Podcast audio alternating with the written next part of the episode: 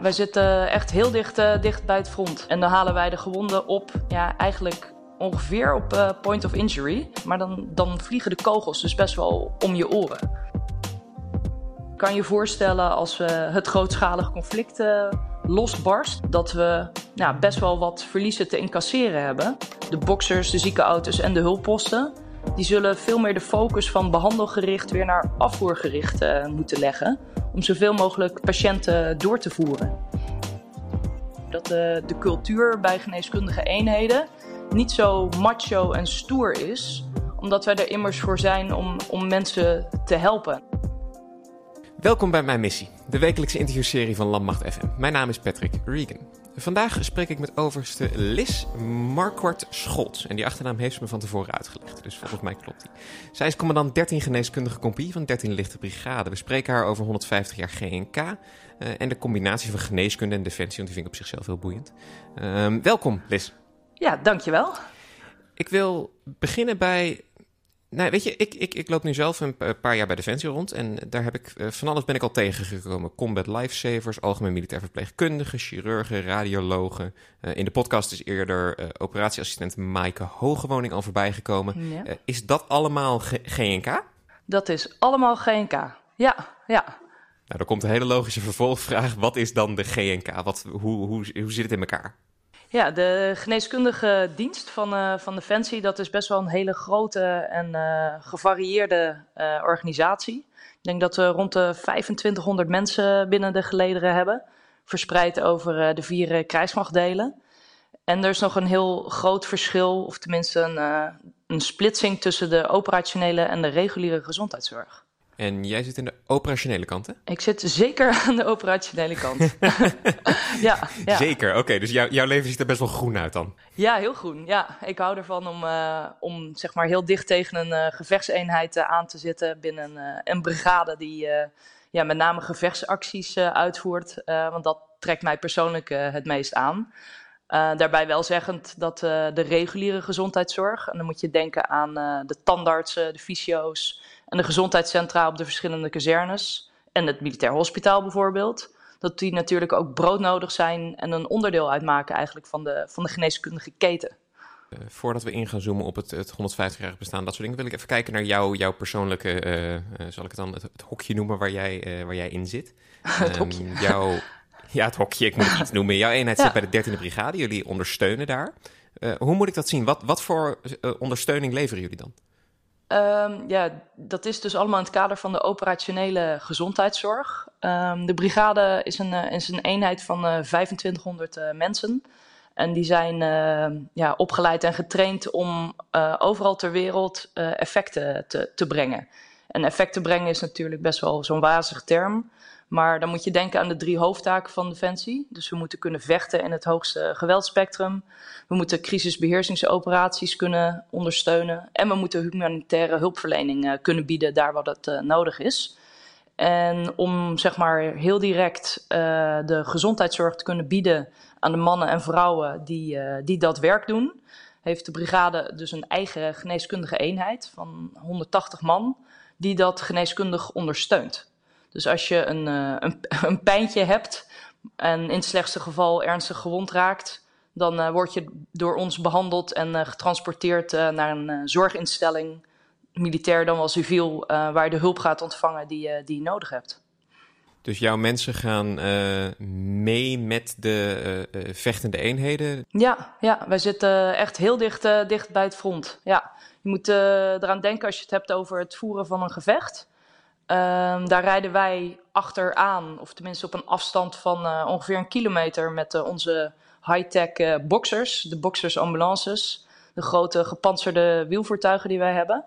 En dan halen wij de gewonden op, ja, eigenlijk ongeveer op point of injury. Dus daar waar iemand gewond raakt. Misschien dat ze een aantal verzamelen als het meerdere zijn in een gewondennest. En die voeren wij daarna af. Maar dan, dan vliegen de kogels dus best wel om je oren. Dus dat is uh, vrij vooraan. Dan ga je vanaf daar ga je uh, terug, denk ik. Kun je enigszins uitleggen hoe de rest van die keten dan een beetje, een beetje loopt? Want ik heb het heel vaak gehoord over rol 1, rol 2. Allemaal van dat soort termen komen dan voorbij. Ja, dat uh, onze geneeskundige afvoerploegen, dus die boxers, die maken onderdeel uit van de rol 1.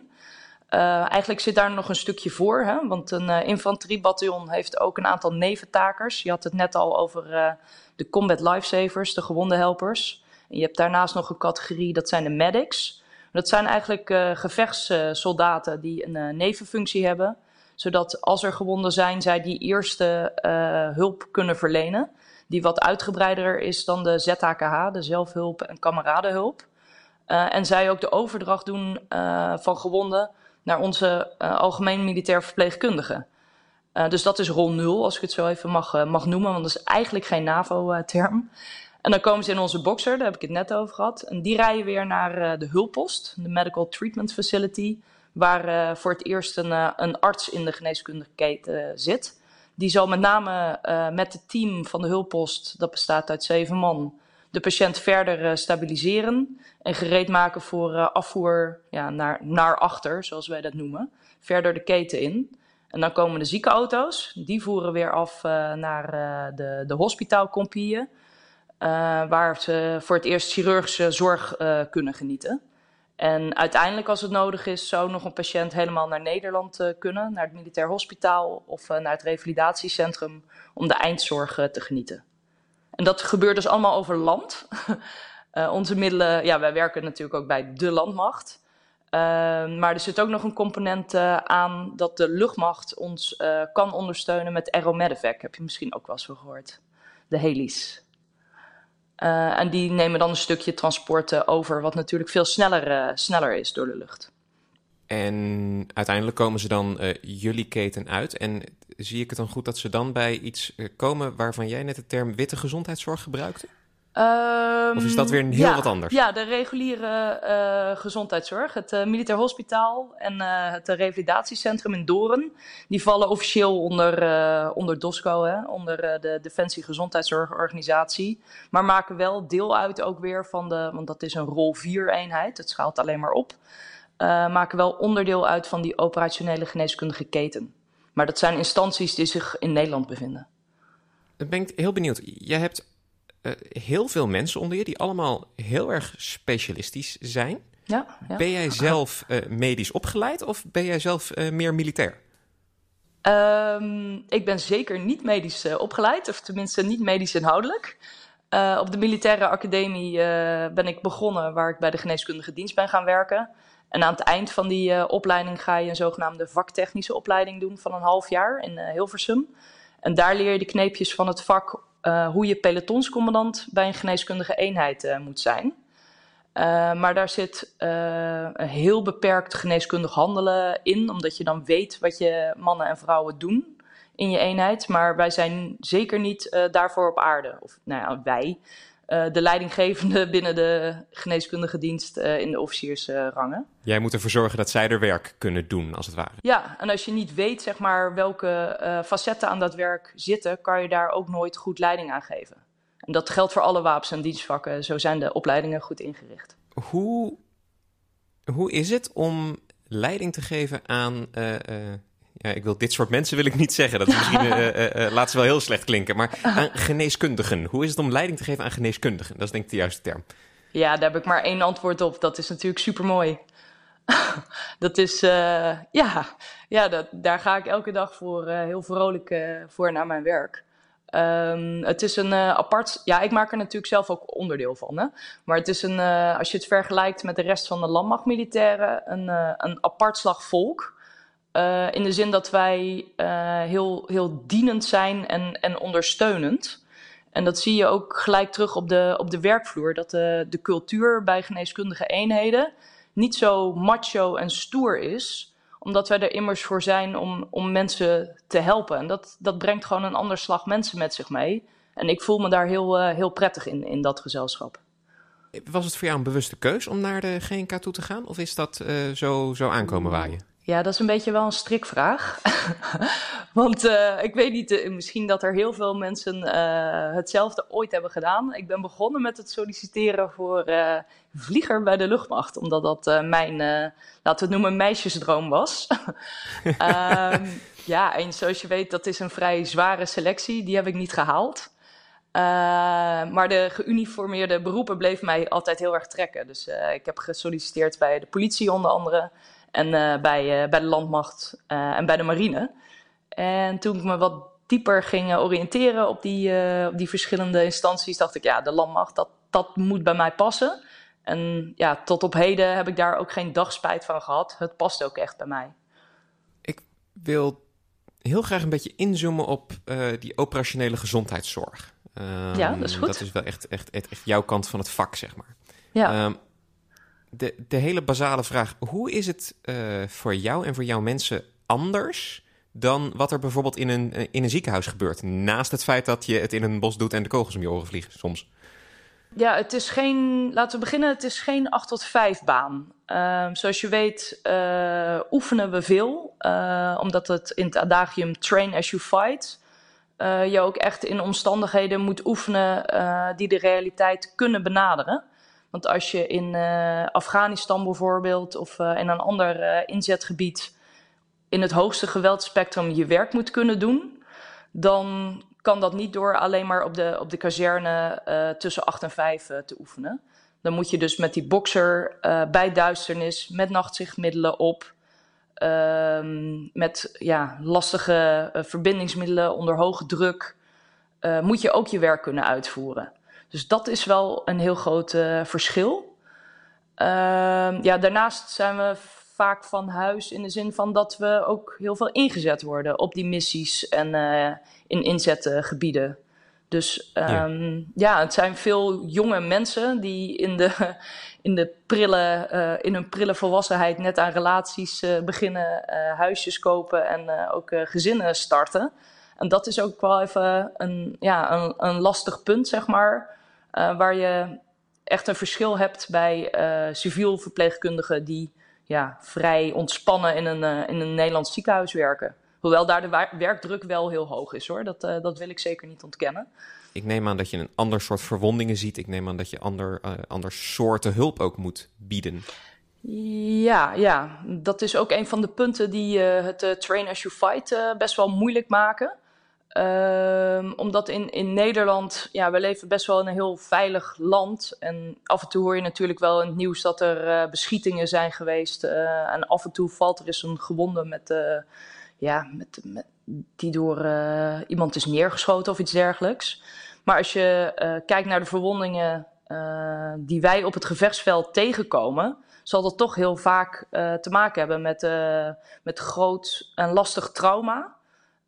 Dus verwondingen door middel van kogels of rondvliegende scherven of iets dergelijks. En dat is heel moeilijk na te bootsen in, in Nederland. Dan, dan volgt wel de hele simpele vraag van hoe train je dat dan?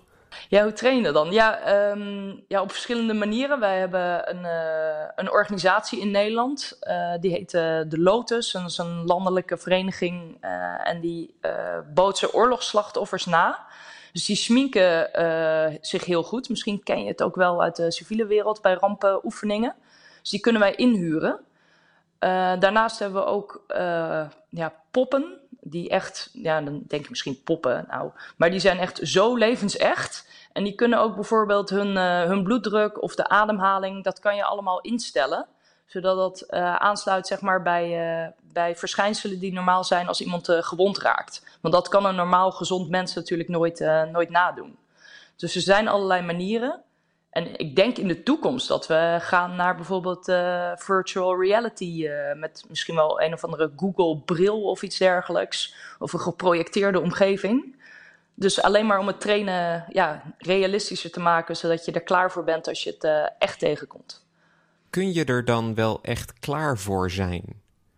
Als je het eigenlijk nooit, om het maar voor het echi hebt gedaan. Je komt dan in zo'n in een missiegebied en dan kom je misschien dingen tegen die je die, ja, die je alleen maar gesimuleerd hebt.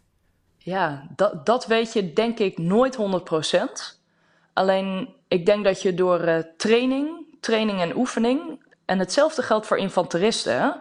Want die schieten op een schietbaan en die schieten op oefenterreinen. Maar dat zijn toch ook klapschijven of met lasersystemen. En ik denk als je als infanterist voor het eerst echt een. Uh, echt face-to-face met de tegenstander staat, dat daar eigenlijk hetzelfde voor geldt. En ik denk dat we door skills en drills, dus heel vaak uh, hetgeen oefenen uh, en trainen wat je tegen zou kunnen komen, en dan iedereen op zijn eigen vakgebied, Ehm, dat je dat soort van conditioneert om ook onder hoge druk, als het er echt op aankomt, uh, je taak goed te kunnen uitvoeren. Als die taak dan eenmaal is uitgevoerd, ik, ik, ik denk dat jouw mensen um, in die uitzending, ik herinner me bijvoorbeeld, uh, we hebben, wat ik in het intro al zei, Mike Hoogwoning in deze podcast gehad, ja. um, die nog steeds volschiet als ze over sommige aspecten van haar uitzending praat. Ja. Hoe ga jij er als leidinggevende mee om als, als je mensen terugkomen en wat de dingen die ze dan meegemaakt hebben? Uh, nou, sowieso is het heel belangrijk om uh, voorafgaande aan een, uh, aan een missie of inzet daar uh, je personeel goed op voor te bereiden. Daar hebben we ook ja, allerlei manieren voor. ja, noem het vorming, veel met elkaar praten.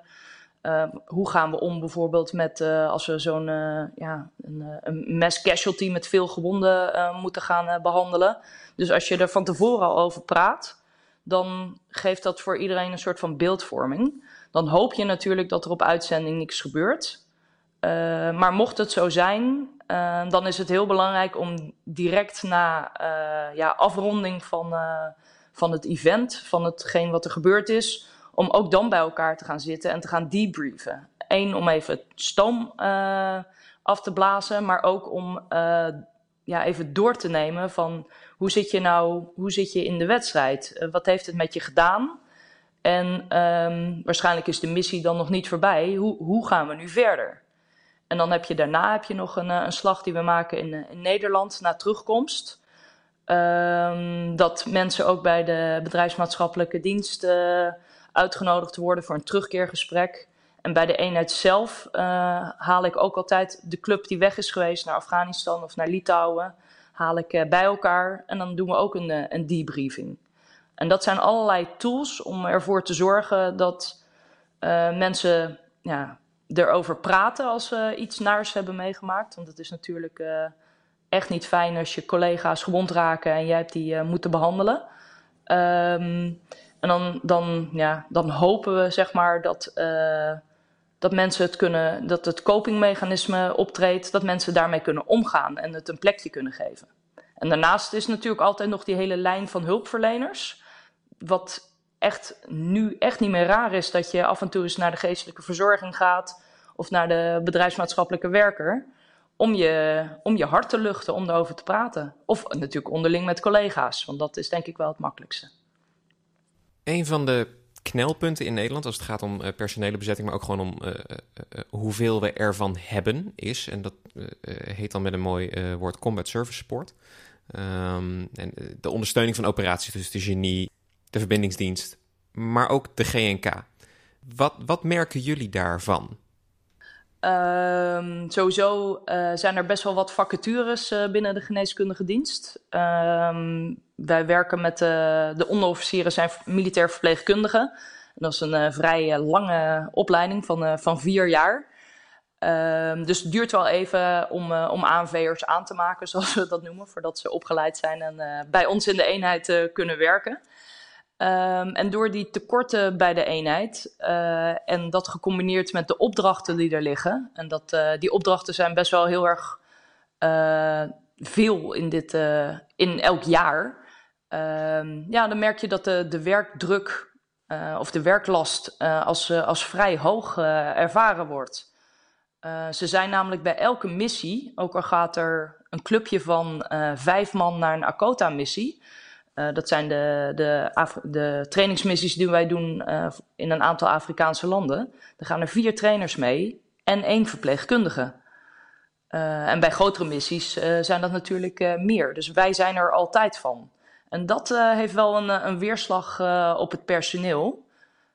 aan de ene kant vindt ze het super mooi om ingezet te worden. Want altijd maar oefenen in Bergen Honen in Duitsland of bij ons op de Oorschotse Heide. Dat gaat ook wel een beetje vervelen. Maar ze zijn er elk jaar van. En dat uh, gaat wel, uh, dat merken wij nu ook met de mensen die toch de overstap helaas maken naar de burgermaatschappij. Die toch voor die 8 tot 5 baan uh, kiezen omdat ze een gezin aan het opbouwen zijn bijvoorbeeld. of doorgroeimogelijkheden krijgen civiel, die bij ons nog wat beperkter liggen. Ja, en dan creëer je wel een, een ongeplande uitstroom. En is het heel moeilijk om personeel te behouden. Ja, ja, en dat is begrijpelijk, maar maakt het niet makkelijker. Nee, nee, ja, maar dat is misschien uh, het lot uh, van de commandant. Zorg dat het volk binnen blijft. Ja, oké. Okay. ja, ja. Hoe gaan we dat dan doen? Maar, ja. Nee. Um, Even terug naar uh, de actualiteit, laat ik het dan zo even zeggen. Uh, ik bedoel, de GNK bestaat 150 jaar. Ja. Je noemde net VR als in de toekomst, dus er zit nog steeds groeien. En ik ga je niet vragen wat de afgelopen 150 jaar is veranderd. Maar ik ben wel heel benieuwd naar sinds jouw tijd. zo, dat is een, een dat is een mooie golfbeweging die sindsdien heeft opgetreden. Want ik kan me nog heel goed herinneren toen ik in 1999 begon dat uh, we toen uh, echt geen tekorten hadden. En we hadden goed, uh, goed materieel. En we gingen pauzeloos oefenen en we verdienden goed. En ja, zoals je weet, na de kredietcrisis in, in 2008 zijn er heel wat bezuinigingen afgekondigd voor heel Defensie. Maar binnen de geneeskundige dienst zijn we wel, vind ik, heel, heel zwaar aangeslagen. We hebben binnen, binnen de geneeskundige dienst Defensie breed hebben we uh, 25% van het personeel moeten inleveren, dus moeten reduceren. Um, en ja, dat heeft heel erg pijn, uh, pijn gedaan. En nu, ja, sinds twee jaar, ja, is er weer geld bijgekomen. Dus nu gaan we weer uitbreiden. Dus dat is best wel een, een golfbeweging die, ik, die ik zie. Ja, ik zei net dat ik hem niet ga stellen, maar ik ga hem toch stellen. Misschien kun je er iets over zeggen. Uh, uh, 150 jaar. Hoe vergelijk je wat, er, uh, wat mensen nu doen en hoe ze nu opgeleid worden en hoe ze nu in hun werk staan met mm -hmm. 150 jaar terug? 150 jaar terug, jeetje. Ik heb geen geschiedenis gestudeerd, maar ik, ik, kan me voorstellen, en ik, ik ben wel eens in het museum geweest in Hilversum in Hollandse Rading. Daar staat een, een kar die vroeger door paarden werd getrokken op het gevechtsveld. Waar de gewonden in gelegd werden. Nou, misschien ken je ook wel hele oude films waar ze met chirurgen met een, met een houtje tussen de tanden bij de patiënt een been afzaagden zonder verdoving. Nou, dat soort dingen gebeuren natuurlijk niet meer. Dus ik denk dat we ja, sowieso sinds halverwege de jaren negentig, sinds ik in dienst ben, een ontzettende professionaliseringsslag hebben gemaakt in het trainen en opleiden van ons personeel. En ook in, ja, we zijn natuurlijk heel veel ingezet in alle missies. In, van, van Bosnië tot in Oeruzgan, Afghanistan, tot in, nu in Litouwen. Wij, wij zijn er altijd bij. dus we doen er ook toe. En ja, mensen waarderen ons ook daarom. Want zon, zonder ons is wel het stukje, uh, ja, noem het gevechtsbereidheid bij de infanterist. Uh, zal echt, zou echt afnemen als, als de geneeskundige dienst er niet achter staat. Ja, want wij zijn er altijd van en wij zijn overal bij. Om dat weer te geven, waar heb jij nu mensen zitten? op dit moment zijn er mensen van ons betrokken bij de Enhanced Forward Presence in Litouwen. Daar traint een, of oefent een Nederlandse infanteriecompie onder leiding van een uh, Duits bataljon. Uh, ter afschrikking hè, zitten, we, zitten we daar voor de, voor de NAVO. Uh, en daar zitten dertien mensen van ons in die geneeskundige keten. Die een stukje Nederlands is, maar ook internationaal ingebed met de Duitsers die er zitten. En uiteindelijk voeren we daar af op een Litouws hospitaal. En we leveren mensen aan de, de Resolute Support Mission in het noorden van Afghanistan. En die mensen gaan dagelijks met de trainers en advisors en de, de force protection de poort uit.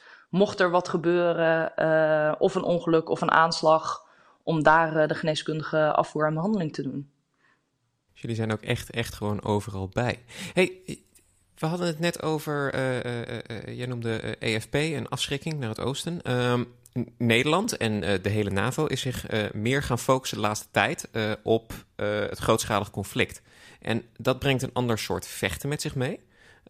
Ehm, ik ben ook heel benieuwd of dat voor jullie veranderingen met zich meebrengt. Jazeker, ja. Ja, ook dat is weer onderdeel van die golfbeweging waar ik het net al over had. Want in de jaren tachtig deden, we, deden we niks anders toen trainden we ook voor het grootschalig conflict, weliswaar op de Duitse laagvlakte. Uh, voor, ja, om ons voor te bereiden voor de grote aanval van de Russen.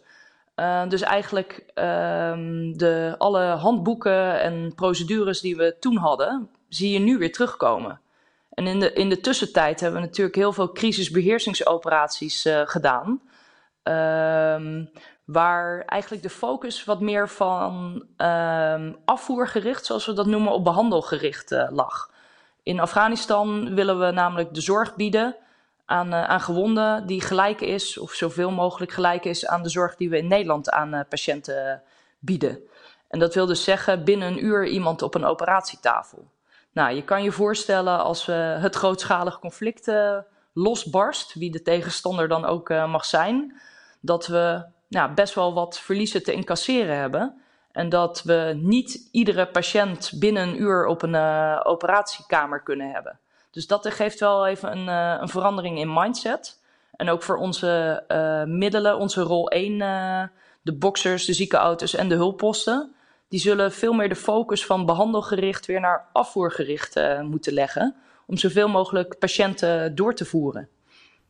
Om het dan heel hard misschien te zeggen, ervoor zorgen dat iemand nu niet doodgaat en later behandeld kan worden. Ja, ja, ja, om de verliesverwachting, die, ja, dat is natuurlijk ook een, een berekening, een, een inschatting ehm, die aan een heleboel criteria onderhevig is. Uh, denk aan weer en terrein, de sterkte van de tegenstander, de manier van optreden van de tegenstander. Die creëert of wij zeg maar een overwicht in het gevecht kunnen, kunnen hebben. En als dat zo is, het overwicht, dan zijn er niet zo heel veel gewonden te, te verwachten. Maar je kan je voorstellen als we moeten, het moeten opnemen tegen een, een behoorlijke tegenstander, dat ook wij het een en ander gaan incasseren aan, aan verliesverwachting. Ja, en daar moeten we ze wel goed op, uh, op voorbereiden. En daar ligt onze focus, ook in navolging van Commandant Landstrijdkrachten, op het campagne thema Combat, zoals dat heet. Daar is de focus weer helemaal op terug. Ja, dan ga ik toch een hele rare sprong maken, maar ik wil hem wel maken. De GNK is de eenheid waar volgens mij 35% vrouw is. Het is ja. wel iets hoger dan bij de rest van Defensie. Ja, dat is um, heel hoog. hoe, ja. is, hoe is die dynamiek dan daar? Dat lijkt me echt wel anders. Ja, ik heb natuurlijk dan weinig vergelijkingsmateriaal, omdat ik zelf in die, in die wereld ook zit. Maar we krijgen wel eens blikken van buiten, van als we weer zo pad zijn met al die meiden met blonde en donkere staarten. En dat, dat vindt men in het algemeen wel leuk. Um, ik, ik, merk niet heel erg het verschil, zeg maar, in hoe mannen of vrouwen hun werk doen. In de zin dat ze het beide goed doen en goed aankunnen. Ook het fysiek zware gedeelte van het werk, het mentaal zware gedeelte, daar zie ik geen verschil in. Waar ik, waar ik wel verschil in zie, is dat de, samenstelling van het team, en dat gaf ik net ook eigenlijk al een beetje aan, dat die anders is. Zo'n cultuur, zeg maar, binnen een geneeskundig compie is echt radicaal anders dan bij een infanteriebataljon. En ik zeg ook niet beter, maar ik zeg echt expres anders omdat vrouwen een, een ja, die nemen andere uh, kenmerken, competenties mee. Uh, waardoor je diversiteit krijgt binnen een eenheid die heel erg positief is. En ik vind het echt, ja, ik vind het hartstikke leuk om met vrouwen te werken. Waarom niet? Maar voor jou persoonlijk, ik hoorde dat jij de enige vrouwelijke commandant bent bij de 13e brigade. Dus jij zit wel echt in een boysclub. Ja, ja, ja, ja dat, uh, dat, nou, maar dat is eigenlijk mijn hele loopbaan uh, wel. En het is pas als mensen erop wijzen dat je denkt, oh ja, dat is ook zo.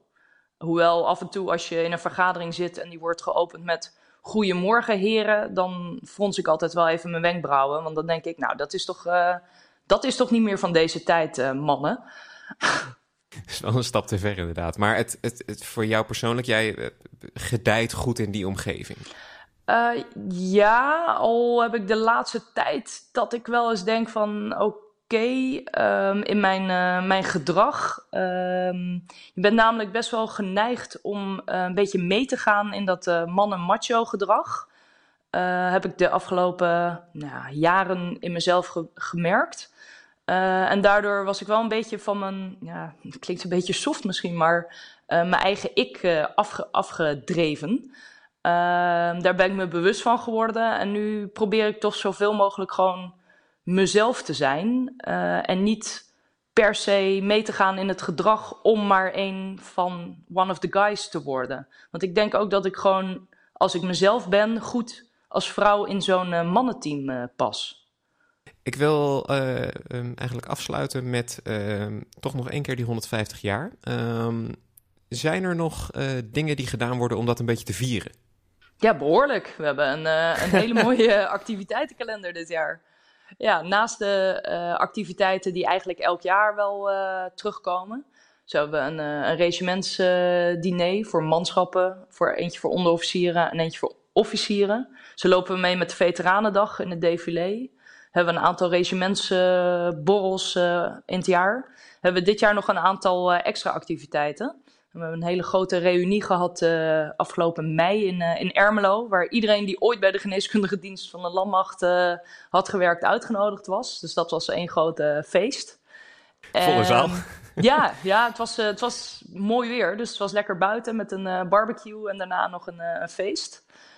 Um, wat staat er nog meer op programma? Um, wij lopen uh, met de geneeskundige dienst, proberen we op alle data dat er uh, mensen gevallen zijn van ons regiment, dus overleden, uh, proberen we de Sunset March te lopen met, met geneesrikken. Dus dat vind ik wel een hele, hele mooie activiteit die dit jaar op het programma staat. En, en de hebben... Sunset March, voor mensen die dat, dat misschien niet mee hebben gekregen? Ja, dat is een, uh, een, uh, een, ja, een mars, een wandeling die uh, elke avond in Nijmegen bij zonsondergang plaatsvindt. Waarbij de gevallenen van de Tweede Wereldoorlog herdacht worden. Staat een monument in, aan de andere zijde van, van de rivier.